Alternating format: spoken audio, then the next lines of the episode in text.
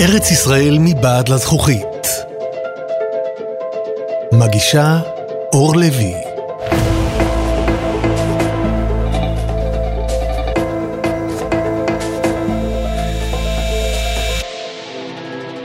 כל המרחב הוא מרחב מאוד דינמי, בעצם המאבק על המרחב ממשיך כל הזמן.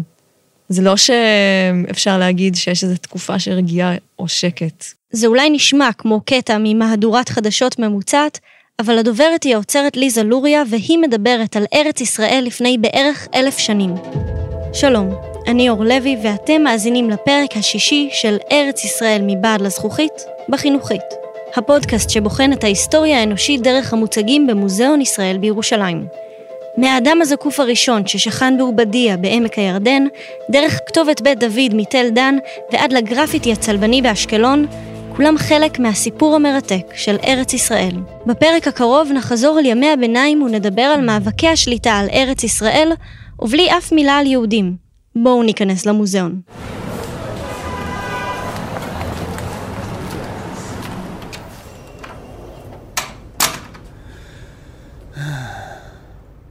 ליזה מובילה אותי אל הגלריה המוסלמית, והדבר הראשון שתופס את תשומת ליבי הוא 21 פסלים של חוגלות. ספרתי. החוגלות מוצבות במעין חטא, וכל אחת מהן קטנה יחסית, בערך 25 סנטימטרים. הן צבעוניות ובהחלט מרשימות, אבל מה בכלל עושות ציפורים צבעוניות בגלריה מוסלמית? אחד מהפריטים המרתקים שיש לנו בצוגה. למעשה אלה פריטים שמגיעים אה, מארמון אומאי, שנמצא סמוך ליריחו. ארמונות אה, ומים הם אה, תופעה ייחודית ומרתקת, אה, שאופיינית מאוד לאזור שלנו. הארמון מתוארך למאה השמינית, אבל הסיפור למעשה מתחיל עוד קצת לפני כן. כדי להבין את הסיפור אנחנו צריכים לחזור למאה השביעית. כשהנביא מוחמד הלך לעולמו הוא לא השאיר אחריו יורש זכר. למרות שהיו לו נשים רבות, רוב ילדיו מתו בצעירותם ורק בת אחת שרדה, פאטימה. כך מתעורר קרב על המשך דרכו של מוחמד ובעצם על השליטה בעולם המוסלמי כולו. במאבק הזה קמו שני מחנות. הראשון תמך בבית אומיה, משפחה עשירה ומכובדת במכה עוד לפני ראשית האסלאם. אשתו הצעירה של מוחמד הייתה בתו של אחד מראשי משפחת אומיה, כך שגם הייתה להם קרבה משפחתית לנביא. המחנה השני בקרב הירושה תמך בעלי, בן דודו של מוחמד שנישא לביתו פאטימה, וכך הפך גם לחותנו של הנביא. לעלי ופטימה היו שני ילדים, חסן וחוסיין. חשוב להבין שמאבק הירושה הזה היה קודם כל פוליטי. בשנת 680 הוא מגיע לשיא בקרב קרבלה. קרב מכונן בו נהרגים חסן וחוסיין, וכך בעצם נמחק הנצר הממשי האחרון למשפחת הנביא. אותו קרב מוביל לפיצול של האסלאם לשני זרמים. הסונה, התומכים של בית אומיה, והשיעה, תומכיו של עלי. אותו פיצול מלווה את ההיסטוריה של האסלאם עד תקופתנו. בית אומיה הסונים עלו לשלטון ובהדרגה כבשו את המרחב המזרח תיכוני, ובו גם את ארץ ישראל. החוגלות שמולנו היו חלק מחירבת אל-מפג'ר, ארמון אומי שנחפר ביריחו בשנות ה-30 וה-40 של המאה הקודמת. בשנות פעילותו במאה השמינית היה מדובר במתחם מונומנטלי ומרשים, השרידים שנותרו באתר הם ממה שהיה כנראה חדר המרחץ ואחד החדרים הרשמיים של השליטים. אבל אל תטעו, גם המעט שנשאר הוא מתחם גדול ומפואר, מאותר ברצפות פסיפס יפהפיות. חירבת אל-מפג'ר הוא אחד מהארמונות המפוארים מתוך 11 אה, הארמונות האומיים שנמצאים באזורנו. כלומר, הממצאים אה, שנותרו והשתמרו מהאתר עצמו, מאפשרים לנו בעצם להתחקות אחרי אה, מערך האיתור של הארמון, כיצד הארמון התנהל, מה הייתה החוויה של המבנה ובכלל איך זה היה נראה. למרות שבספרות המחקר קיימות דעות שונות אודות התפקיד של הארמונות האלה. הארמונות האלה נבנו על סף המדבר, ויש סברות שונות אה, אודות השימוש בארמונות. יש הטוענים שאלה בעצם היו מעין ארמונות אה, של תענוגות, אה, ארמונות ציד. כמו איזה וילה בג'ונגל, שהשליטים האומיים נהגו להעביר בהם את זמנם, שציד זה היה פעילות חצרונית ידועה בתקופה. סברות אחרות רואות את הארמונות האלה כנקודות שליטה בעצם, אולי זאת הסיבה שהם מוצבים על סף המדבר, כאיזה נקודות אה, מוצא שלטוניות שמאפשרות אה, שליטה במרחבים. אם אני ואת נמצאות עכשיו אה, בראשית המאה השמינית ונכנסות לארמון, מה אנחנו רואות? אז קודם כל, אה, אנחנו נתרשם אה, מעיטורי הסטוקו המפוארים שמאתרים את קירות הארמון. מה זה סטוקו? סטוקו זו טכניקה ייחודית שמאפיינת את הארמונות האומיים של התקופה. זה בעצם סוג של עיבוד של גבס. העיבוד הזה נעשה גם בתבליט, כמו שאנחנו יכולים להתרשם מהארבסקות הנפלאות אה, שנותרו מהאתר הזה. ארבסקות הן בעצם סוג של תשליב, יש כל מיני סוגים של ארבסקות והן גם אה, משתנות מאזור לאזור.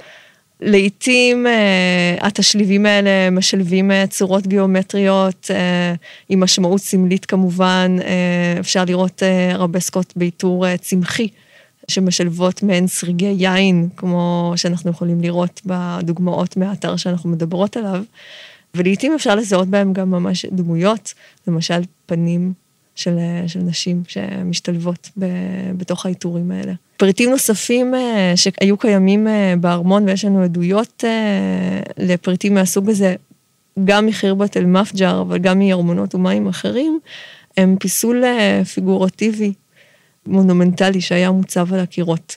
כלומר, אנחנו מזהים שם דמויות של נשים חשופות, לדוגמה.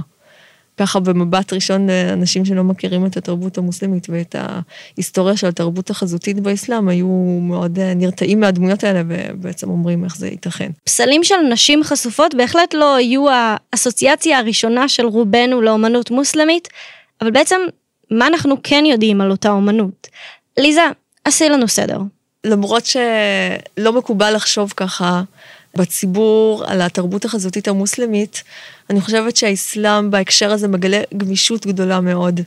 כלומר, היכולת, למרות שיש הסוברים שתרבות חזותית דתית באסלאם היא בהכרח מלווה בהיעדר דימויים, דבר שהוא אינו נכון אה, ומוכח כאינו נכון, אבל יש לו את האפשרות גם לטפל בדימויים שהם מופשטים מאוד, אולי כמו סכמות או מפות רוחניות, אה, ועד לרמה של דימויים שממש שואבים את ההשראה שלהם מהטבע, ובדגש על טבע מקומי. כלומר, צמחייה מקומית וחיות מקומיות, או השראה מפיסול אופייני לסביבה שלנו בתקופות הטרום-אסלאמיות. והיכולת בעצם לבצע את האינטגרציה הזאת מגלה גמישות אדירה. ובעצם אה, אנחנו ממש אה, עדים פה לצמיחה של שפה חזותית חדשה שלא הייתה קיימת קודם. על בסיס מוטיבים קיימים, על בסיס אומנים שמגיעים ממרחבים שונים, אה, קונספציות שונות שמשתלבות לשפה חדשה ויצירה של שפה ייחודית למרחב המוסלמי. זה חשוב מאוד לעקוב אחרי התהליכים האלה באסלאם המוקדם, כי הם מוטמעים אחר כך לתוך האסלאם המאוחר יותר. ואנחנו פוגשים את זה בקונסטלציות אחרות קצת. הדבר הנכון להגיד אה, לגבי התרבות החומרית בתקופה היא בעצם שזה מערכות שבנויות אה, על אינטגרציה וסימביוזה בין סגנונות. והמאפיינים האלה בעצם קשורים אה, לכיבושים הנרחבים שיש אה, למרחב המוסלמי בעולם. כלומר, אנחנו נוכל לראות אה, טכנולוגיות, שימוש בעיבוד של אבן ובעיבוד של גבס הסטוקו, שהן אופייניות לאזורים מזרחיים באסיה, עם שילוב של סגנון ביזנטי, מוטיבים ביזנטיים, אה, ואפילו לעיתים שימוש באומנים ביזנטיים כדי לבנות אה, את המבנים הארכיטקטוניים עצמם, או את מערכת האיתור שמאפיינת אותם.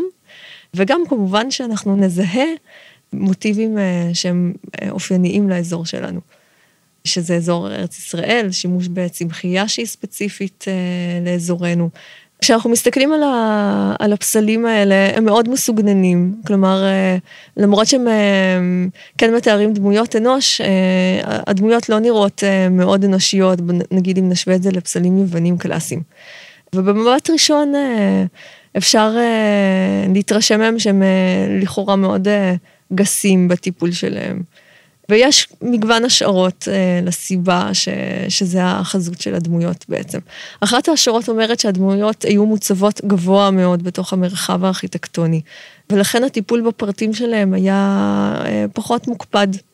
סברה אחרת אומרת שבתקופה הזאת האומנים אה, שנזכרו לעשות את העבודה, ידוע שעבדו באתר הזה אה, מספר צוותים שונים של אומנים, אה, ואפשר ממש לזהות את הדגשים של כל צוות שעבד. גם פה יש סברות שונות בנוגע האם הצוות שעבד על האבן הוא אותו הצוות שעבד על הסטוקו, ומה הסיבה להבדלים הסגנוניים שאנחנו רואים.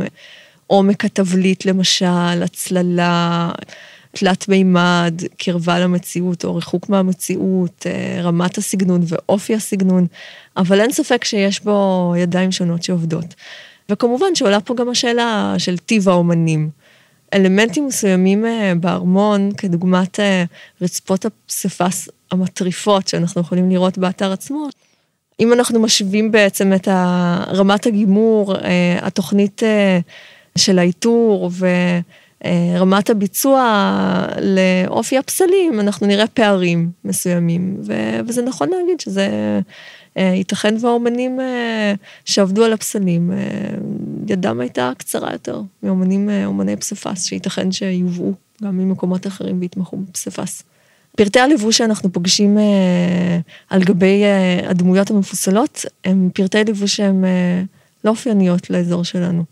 אה, וזה עוד אה, סממן נוסף בעצם לאינטגרציה של, הסגנונות, והכלה ויצירה של סגנון אה, חדש, שמכיל את התרבויות שסביבו, ומשקף בעצם את הכיבושים המוסלמים בתקופה, לצד מאפיינים מקומיים מובהקים. ואם נחזור למהות, לאחד מהשימושים שהוצאו על ידי החוקרים לארמון, זה בעצם וילה. וילה, ארמון סייד, אה, ארמון ספר, שהשליטים אה, נהגו לבלות בו את זמנם ולהעביר את זמנם בציד. ולכן אה, ניתן לשער בהקשר הזה, אם, אם זה אכן היה נכון, או נכון באופן חלקי לפחות, שיטורים כמו חוגלות, למשל, שהם גם ציפור מקומית, משהו שאתה פוגש בנוף, הוא משהו שהוא גם חלק מחוויה של פעילות של ציד, באופן הסמלי וגם באופן הגשמי של העניין. אה, זה בהחלט עיטורים שהיית מצפה לפגוש במקום שכזה. חשוב להבין שבתקופה זו וגם בתקופות מאוחרות יותר, למערכת האיתור של מבנים ארכיטקטוניים, אה, גם מבני חול וכמובן שמבני דת, יש לה משמעות. כלומר, אלה לא סתם עיטורים שאנחנו באים ליהנות מהם כי הם יפים. הם נושאים מאחוריהם אה, משמעות מופשטת על מושגים שקשורים ל... העולם והאופן שבו העולם פועל אה, בחסות האל. ולכן גם אם אה, ניתן לעשות איזושהי הפרדה, ולו מכנית, אה, לתרבות קודש ותרבות חול בתקופה, יותר נכון דווקא לראות אותם כאיזושהי סימביוזה שמהדהדת גם בתרבות החול, נראה משמעויות אה, בתוך אה, מבנים צורניים שמאתרים אה, את הארמון לדוגמה, אה, כנושאים אה, משמעות שהיא משמעות אה, דתית. לא צריך לחפש מאוד רחוק כדי למצוא דוגמאות מובהקות לכך שהתרבות החזותית המוסלמית קיבלה הרבה השראה מתרבויות קיימות, ואולי במיוחד מהתרבות הביזנטית, זו של האימפריה הרומית הנוצרית. אולי הדוגמה הטובה ביותר הוא המבנה של כיפת הסלע. מאחר ויש אה, עדויות מוצקות לעובדה שבבנייה של כיפת הסלע נעשה שימוש באומנים אה, ובמוטיבים ארכיטקטוניים שמגיעים מהמרחב הביזנטי. אחת הדוגמאות לזה היא בעצם המבנה שהוא מבנה בעל צורה של משושה שנבנה על בסיס חתך הזהב. זה ממש מאפיין של אומנות קלאסית, מיוון העתיקה כבר, משהו שבראש שלי הוא מאוד מאוד רחוק מהאסלאם. שוב, זה הנקודה להגיד שבראשית האסלאם ניתן באמת לראות אינטגרציה וגם שימוש פשוט בבעלי מלאכה, בעלי ידע שמגיעים מהמרחבים השונים שהאסלאם נוגע בהם, אה, ובעצם אה, מנותבים לטובת התרבות החדשה החזותית שנוצרת פה, התרבות הארכיטקטונית החדשה. אולי בהקשר של, אה, של כיפת הסלע ראוי להדגיש שתי עובדות חשובות. קודם כל, כיפת הסלע הוא אינו מסגד, זה מבנה שנבנה מסביב לאבן השתייה. אבן השתייה היא אבן רבת משמעות אה, למעשה עבור כל הדתות.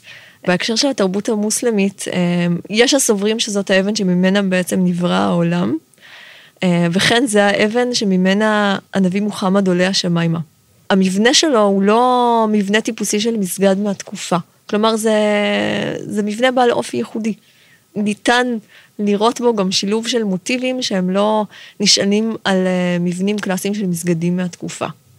דבר נוסף שראוי להזכיר בהקשר של כיפת הסלע, אה, הוא כמובן אה, המבנה של הקטסימה, אה, שזה מבנה מוקדם יותר, אה, שנמצא גם הוא בירושלים, בדרך חברון, ויש שטוענים שהבנאים שעבדו על המודלים אה, של כיפת הסלע, בעצם קיבלו השראה מהקטסימה, זה מבנה ביזנטי. שמאוחר יותר הושמש גם לשימוש אה, מוסלמי לאחר הכיבוש. השלטון האומאי בישראל ממשיך כמעט 100 שנים עד ששושלת מוסלמית אחרת צוברת כוח. הרבה מהמקורות שאנחנו נסמכים עליהם אה, בזמן שאנחנו לומדים אה, את התרבות החצרונית והלך הרוח של בית אומיה, הם מקורות עבאסים. בית עבאס, בעצם השלטון שהחליף את בית אומיה, ואחד הסיבות להצלחה של חילופי השלטון, היה דה-לגיטימציה דתית של בית אומיה, כלומר אה, חוסר אדיקות והתנהגות לא מוסלמית, שזה משהו שעולה ככלל מה, מהמקורות העבאסיים, ולכן כמובן שהמקורות שאנחנו מכירים היום אה, נצמדים אה, לשירת היין והתענוגות, חוסר אדיקות דתית, התנהגות מופקרת, אבל כמובן, גם אם המקורות האלה כן מתארים אה, אירועים שקרו, צריך לקחת אותם בערבון מוגבל, מאחר וכאמור אה, למקורות שהמטרה שלהם גם הייתה לבצע את הדה-לגיטימציה הזאת אה, לבית אומיה. וחשוב לזכור שגם בתקופת חילופי השליטה באזור בין המשפחות היריבות, חיו כאן אנשים פשוטים, שרק רצו להעביר את חייהם בשקט. הנוכחות המוסלמית אה, בארץ ישראל קדמה בעצם לכיבושים של, אה, של בית אומיה, והיא מתחילה בעצם בזליגה של שבטים ערבים אה, באזור חצי האי ערב לארץ ישראל, בחיפוש אחר פשוט טריטוריה חדשה. כך שלמעשה הכיבושים המוסלמים הפורמליים במרכאות, שמביא איתם שלטון בית אומיה, זה לא האוכלוסייה היחידה שחיה כאן. מי עוד חוץ מהם נמצא בארץ באותה תקופה? כפי שאמרתי, אה, נוכחות של, אה, של שבטים נוודים שמגיעים לפה מחצי האי ערב. יש נוכחות גם נוצרית אה, או איך בוודאי, בוודאי, נוכחות ביזנטית. השטח מעולם לא היה ואקום ריק. כלומר, יש פה יישובים מאוד מאוד מבוססים. אפילו שהם נמצאים אה, ככה בשולי האימפריה, אה, עדיין אה, קיסריה, אשקלון, אה, בית שאן, זה הכל מקומות שהיו מאוד מפותחים, מאוד מבוססים, ישבו על נתיבי מסחר, כלומר, יישובים של ממש. וכמובן שהכיבוש שה, המוסלמי באזור שלנו, הוא התנגשות בין, בין הכיבושים המוסלמים והאימפריה הביזנטית, שהיא נוצרית. כפי שכבר התחלנו להבין, את ההתנגשות הזו אפשר לראות בצורה מובהקת ביצירות האומנות ובממצאים הארכיאולוגיים מהתקופה. בכיבושים שונים אה, שהם נכונים לא רק למרחב המוסלמי, אבל למרחב המוסלמי בפרט. דבר מאוד מקובל היה בעצם אה, כיבוש של מקום ושאיבת האומנים אה, והידע אה, לטובת השליטים החדשים. ממש נעשה שימוש באומנים מקומיים.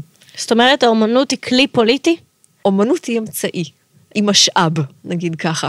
וכמובן שידע, ידע בבנאות, ידע בארכיטקטורה, כל הקורפוסים האלה של, של ידע אנושי ויכולות, אפילו יכולות טכניות, אה, יכולות של איתור, יכולות של שיבוץ, יכולות של אה, הקמה של אה, מערכות איתור מורכבות, פסיפסים.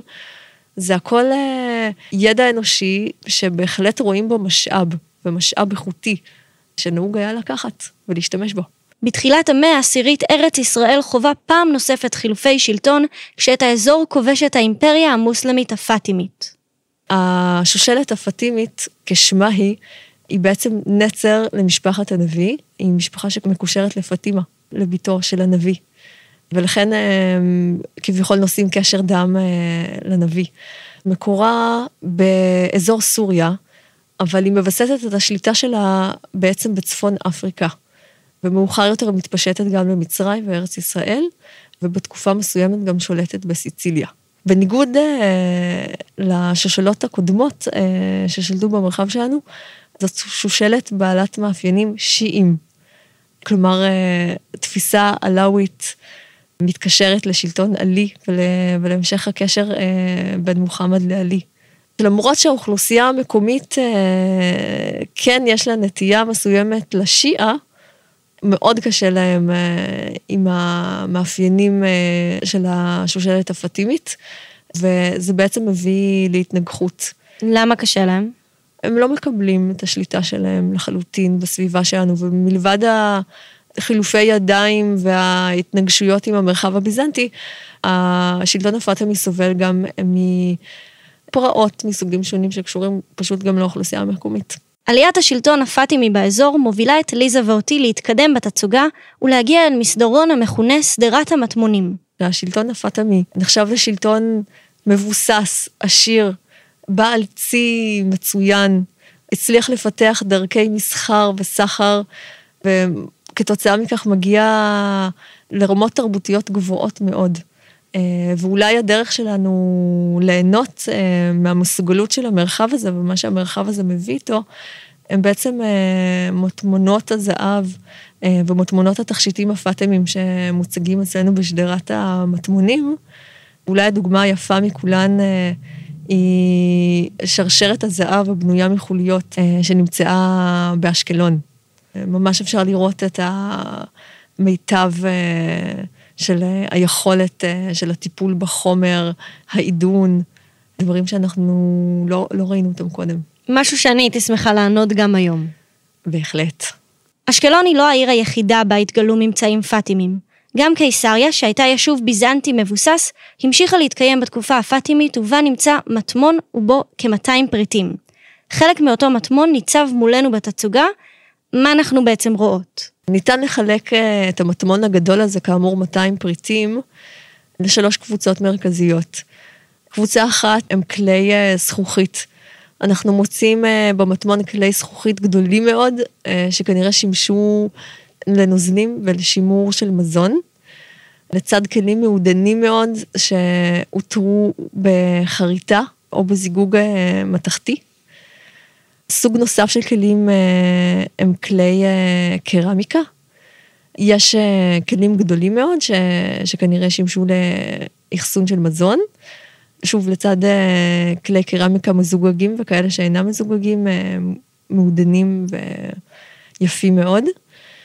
ואולי הקבוצה הגדולה ביותר הם קבוצת כלי המתכת, אה, כלים מברונזה, דליים ותרבדים ומגשים וקופסאות בכל מיני גדלים ובכל מיני סגנונות.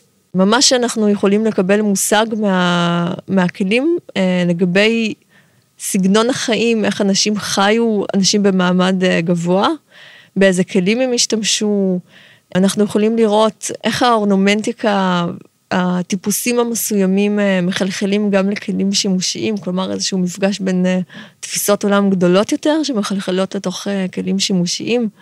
יש חשיבות גדולה מאוד לכלי ב, בימי הביניים, כלומר כלים הם אף פעם אינם סתם. למה בעצם? אני חושבת שכל החיים בימי הביניים, ובטח שבמרחב המוסלמי, כמו גם במרחב הנוצרי, הם כולם חבוקים בקשר אה, לאמונה. כלומר, הפעולות היומיומיות שאנחנו עושים הן לא פעולות סתמיות, הן כולן אה, בחסות האל, הן קשורות לאמונה. והדברים באים לידי ביטוי גם באורנמנטיקה שמופיעה על פני הכלים, בטח שבכלים ברמה גבוהה, כמו שאנחנו יכולים לראות כאן. אני חייבת לומר שאני רואה את המטמון, ואם לא הייתי יודעת, לא הייתי יכולה לנחש שזה פריטים מלפני אלף שנה. מודלים קנונים ומודלים שימושיים אה, בפריטים מסוימים ממשיכים לשמש אותנו עד היום הזה, כלומר, אנחנו גם מסתכלים על כלים שנעשו בתקופות מוקדמות יותר, בסופו של דבר, כלי שימושי יש לו מטרת שימוש מסוימת, שהצורה של הכלי צריכה לשרת את השימוש הזה, בין אם זה סיר או מחבת או מגש או תיבה. אני חושבת שמה שמאוד תורם לעניין, רמת השימור הגבוהה של החפצים. איך הם השתמרו כל כך טוב? המקום שבו הם הוטמנו, האקלים, החלל, החומרים שהם עשויים, אה, המגע עם החמצן. במקרה הזה זה הביא להשתמרות מיטבית של, החפצים וגם של העיטורים שמופיעים על פניהם. המטמון אה, נחשף בשנת 95 בחפירות ארכיאולוגיות שמתבצעות אה, באתר. המטמון נחשף בסמוך אה, לאתר ההרודיאני ולמסגד, שקיימים בעצם בקיסריה, באזור שהוא מעט מוגבע, והמטמון בעצם מתגלה בתוך תא נסתר בבאר אה, פאטמית עתיקה. המטמון אה, מונה כ-200 פריטים בסך הכל, מטמון גדול מאוד, וגם אה, נדיר במגוון שלו. מה שאנחנו רואים בעצם במטמון הזה, זה כלים שימושיים מהתקופה הפאטמית, כלים ברמה גבוהה, כלומר הם היו שייכים למשפחה בעלת מעמד. המטמון הזה הוא אחד המטמונים הפאטימיים העשירים והרחבים בעולם כולו. אבל למה שאותה המשפחה עמידה תעזוב כל כך הרבה חפצים יפים וטובים? כמובן עולות סברות שונות לסיבה להטמנת המטמון הזה. ניכר ש... שהוקדשה מחשבה עמוקה מאחורי השארת הפריטים האלה. כלומר, ניתן לראות מהאופן שבו הם הוטמנו, וגם המקום שהם הוטמנו בו, שייתכן והמחשבה הייתה לחזור ולהשתמש בהם בעתיד. כלומר, הפריטים אה, הוטמנו, כי לא ניתן היה לקחת אותם, אה, על ידי אה, אותה משפחה, עמידה, שהחליטה להשאיר אותם מאחור, בתקווה אולי לחזור ולהשתמש בהם בתקופה שקטה יותר בעתיד. זה ממש נשמע כמו בריחה. כן, כלומר, אני לא חושבת שמישהו משאיר רכוש בעל ערך מאחוריו ועוזב כשהוא חי ברווחה. אנחנו בעצם מקבלים עדויות בולטות לכך שהייתה תקופה שהתאפיינה בחוסר שקט. כלומר, התפרעויות, אה, ביזה, שמקבלת מתח כפול. בעצם גם ההתנגשות אה, הפאטמית בסוף השלטון שלה, גם עם המרחב הביזנטי, וגם התנגשויות אלימות מאוד עם האוכלוסייה המקומית.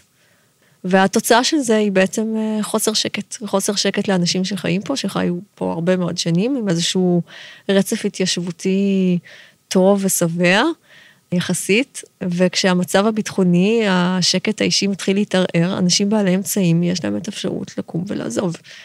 כמובן שנעשים שיקולים ולא ניתן לקחת איתך את כל הדברים שמשרתים אותך במושב הקבע שלך, והסברה המובילה היום בספרות המחקר, אה, שזאת הסיבה שהמטמון הזה בעצם הושאר. מטמון נוסף מאותה תקופה שנמצא מולנו בגלריה הוא מטמון חרש המתכת מטבריה.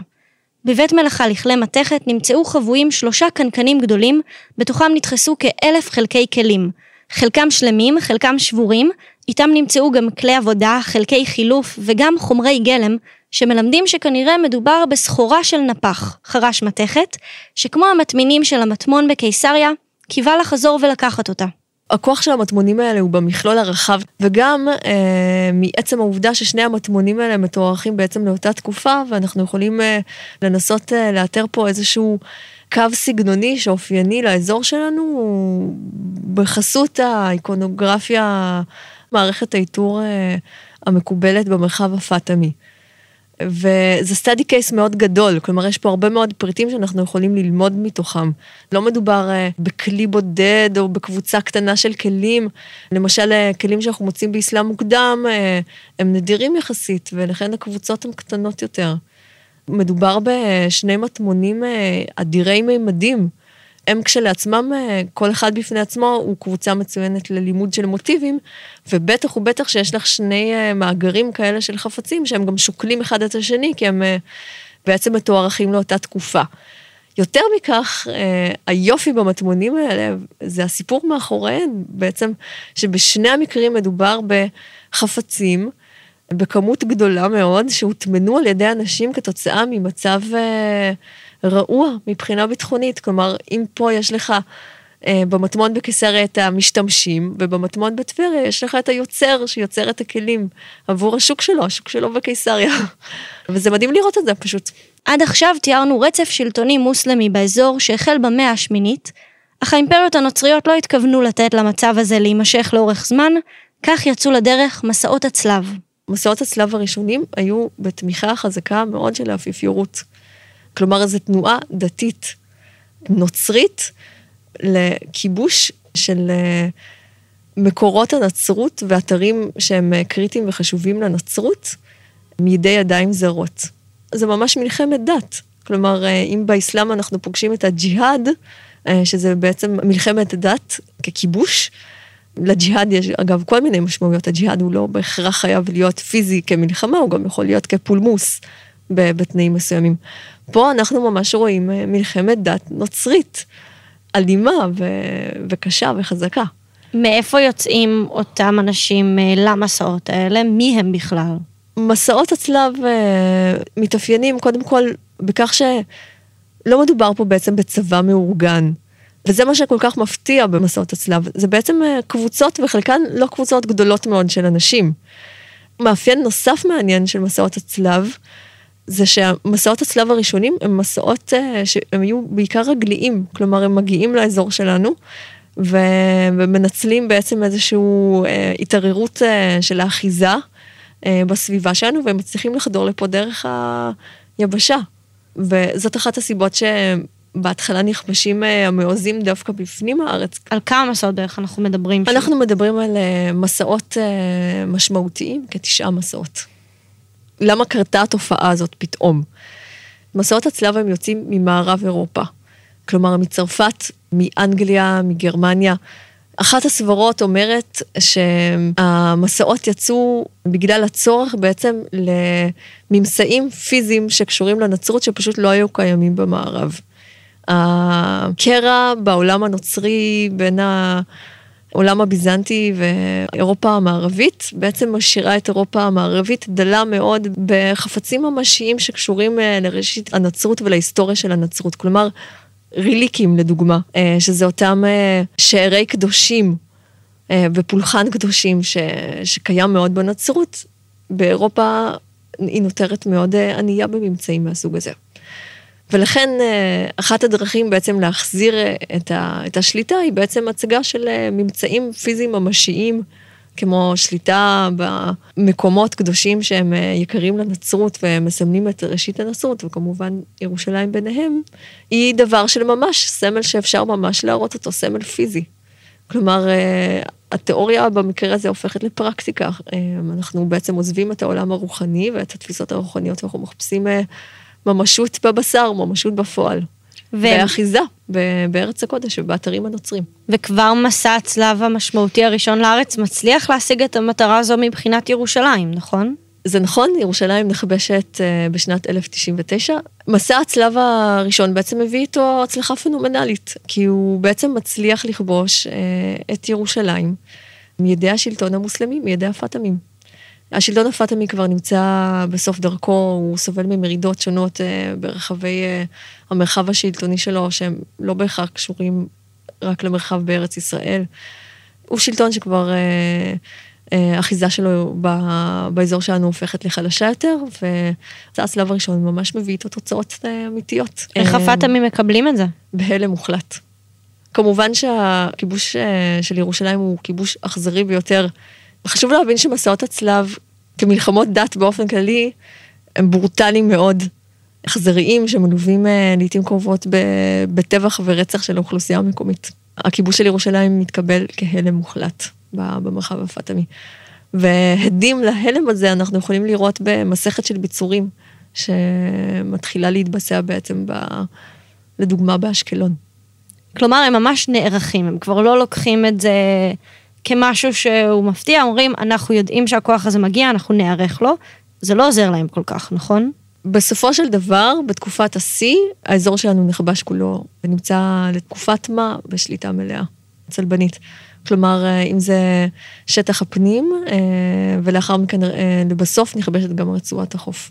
את שיא המתח בין האסלאם לנצרות, ובעצם של אותה מלחמת דת על הארץ, אפשר לראות במוצג הבא.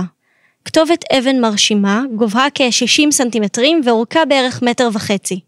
אם יש uh, פריט בצוגה שלנו שבעצם עוצר uh, בתוכו את כל הזמן, את כל התקופות שדיברנו עליהן ואת הסיפור ההיסטורי מאחורי הפריטים, זה ללא ספק הפריט הזה.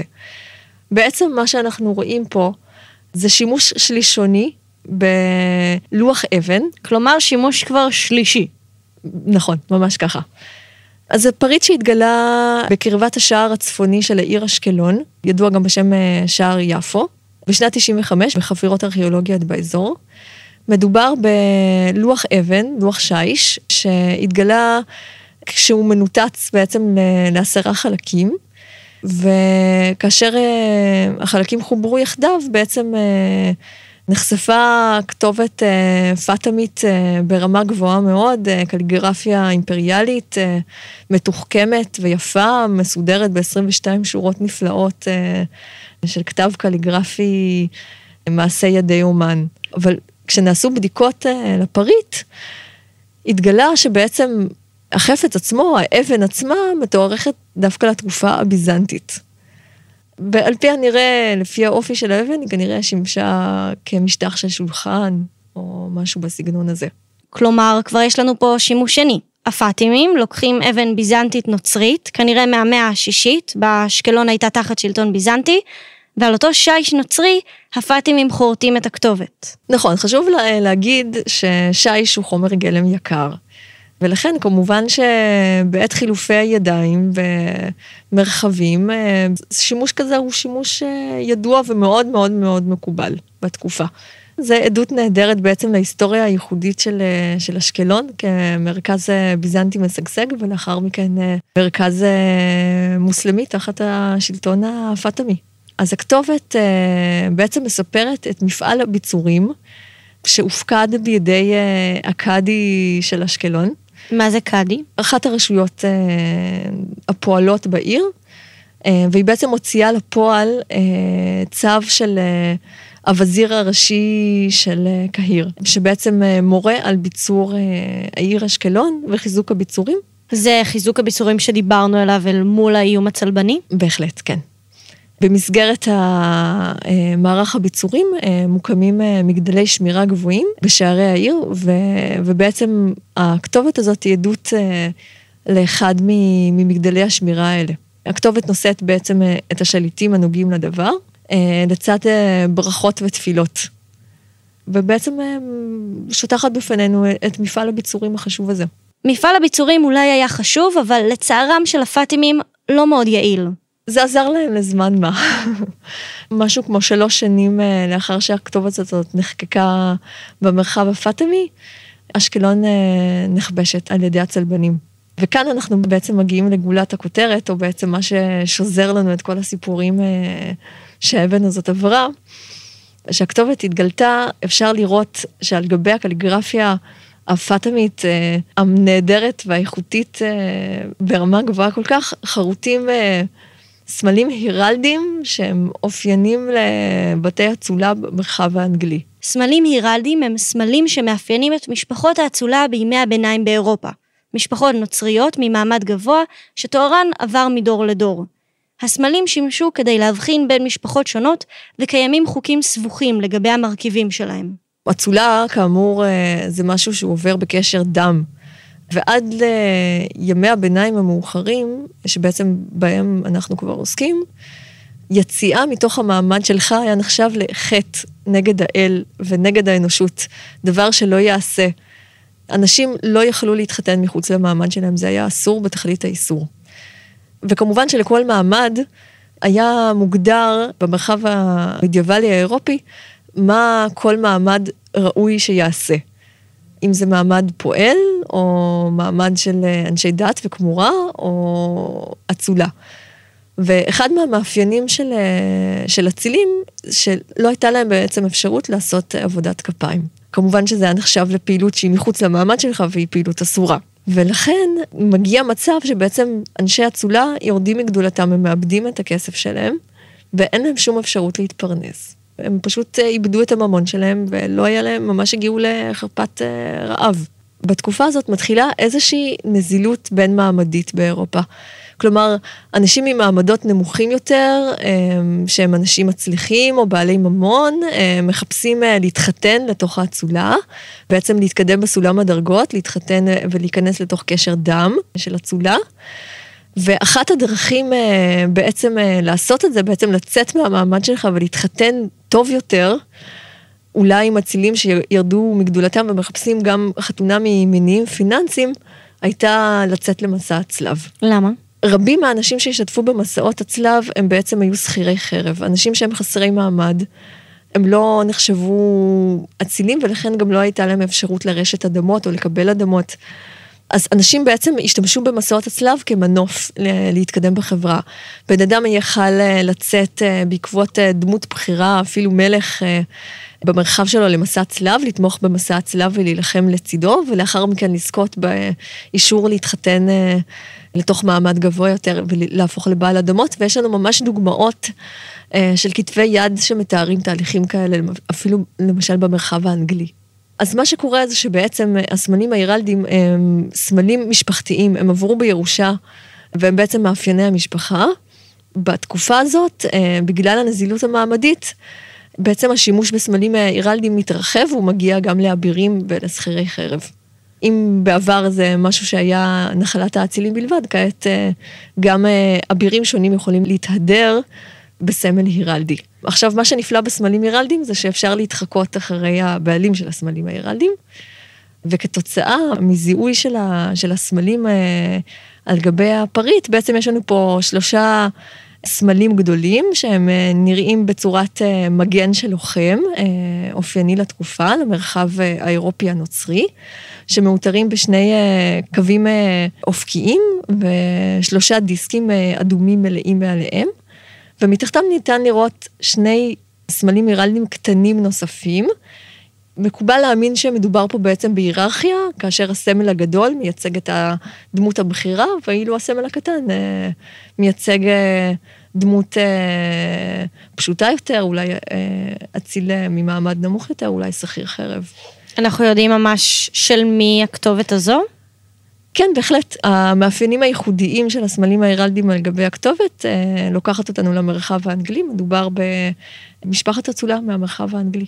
זה נותן לנו מסגרת של זמן, כי בעצם יש תיעוד, אה, במיוחד של דמויות בכירות שנלחמו במסעות הצלב, וזה מאפשר לנו בעצם להתחקות אחרי המועד שבו הדבר הזה קרה. כלומר, אה, מהו בעצם אותו כיבוש? היו כל מיני ניסיונות לכבוש את אשקלון. אשקלון היא עיר אה, שהיא קשה לכיבוש, כי היא הייתה מבוצרת מהכיוון של המרחב היבשתי ובלתי נגישה מהמרחב הימי, מאחר ואין לה נמל ואוניות לא יוכלו לגון בה בבטחה. לכן קיימת חשיבות גדולה מאוד בזיהוי הסמלים ההירלדים, כי היא בעצם מאפשרת לנו להבין מתי בעצם אה, נכבשה העיר אשקלון. המעשה הזה של חריטת סמלים הירלדים גסים על כתובת כל כך מסוגננת, שמספרת על הביצורים הפאטימים, מיד גורם לי לחשוב על, על גרפיטי מודרני. הצלבנים מעבירים פה מסר ברור מאוד. אנחנו כאן, וזה מה שאנחנו חושבים על הביצורים שלכם ועל השליטה שלכם באזור. ללא ספק. אני חושבת שהמתח ניכר בעיקר בטיב של הקליגרפיה המעודנת, האיכותית, האימפריאלית, הפאטמית, והמעשה הברוטלי, החזק, החריטה האדומה של הסמלים ההירלדים הנוצרים לרוחב על גבי האבן הנפלאה הזאת, היא בעצם אומרת את הכל. היא בעצם מכילה את כל ההיסטוריה במעשה הזה. זהו בעצם אה, מהותו של הקרב ומהות המלחמה על האזור אה, ומאבקי הכוחות אה, שאנחנו רואים אה, דרך הפריט הזה.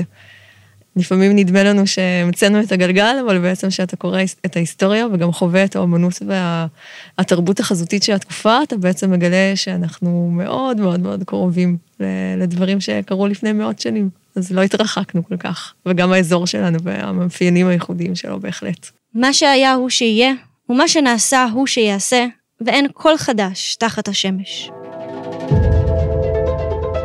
תודה לעוצרת המחלקה לאומנות וארכיאולוגיה מוסלמית במוזיאון ישראל, ליזה לוריה.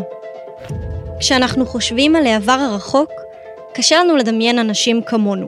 אנשים פשוטים שעבדו, שבישלו, שיצרו, שאהבו, שחיו. אבל היו כאן חיים כאלו הרבה לפנינו. החל מהתקופה הפרה-היסטורית, לפני כשני מיליון שנים, דרך ראשית החקלאות, המהפכות העירוניות, כל הזמן היו פה אנשים, ורוב הזמן הם גם לא היו כל כך שונים מאיתנו.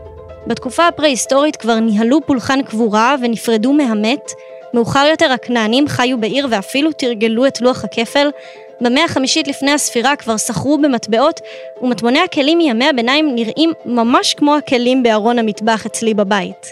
אני מקווה שבששת הפרקים האחרונים הצלחנו לספר חלק קטן מהסיפור שלהם, שהוא בעצם גם חלק בלתי נפרד מהסיפור של כולנו. אני יודעת שאני למדתי הרבה בסיורים המשותפים שלנו באגף הארכיאולוגיה במוזיאון ישראל, ואני מקווה שניפגש שוב בקרוב.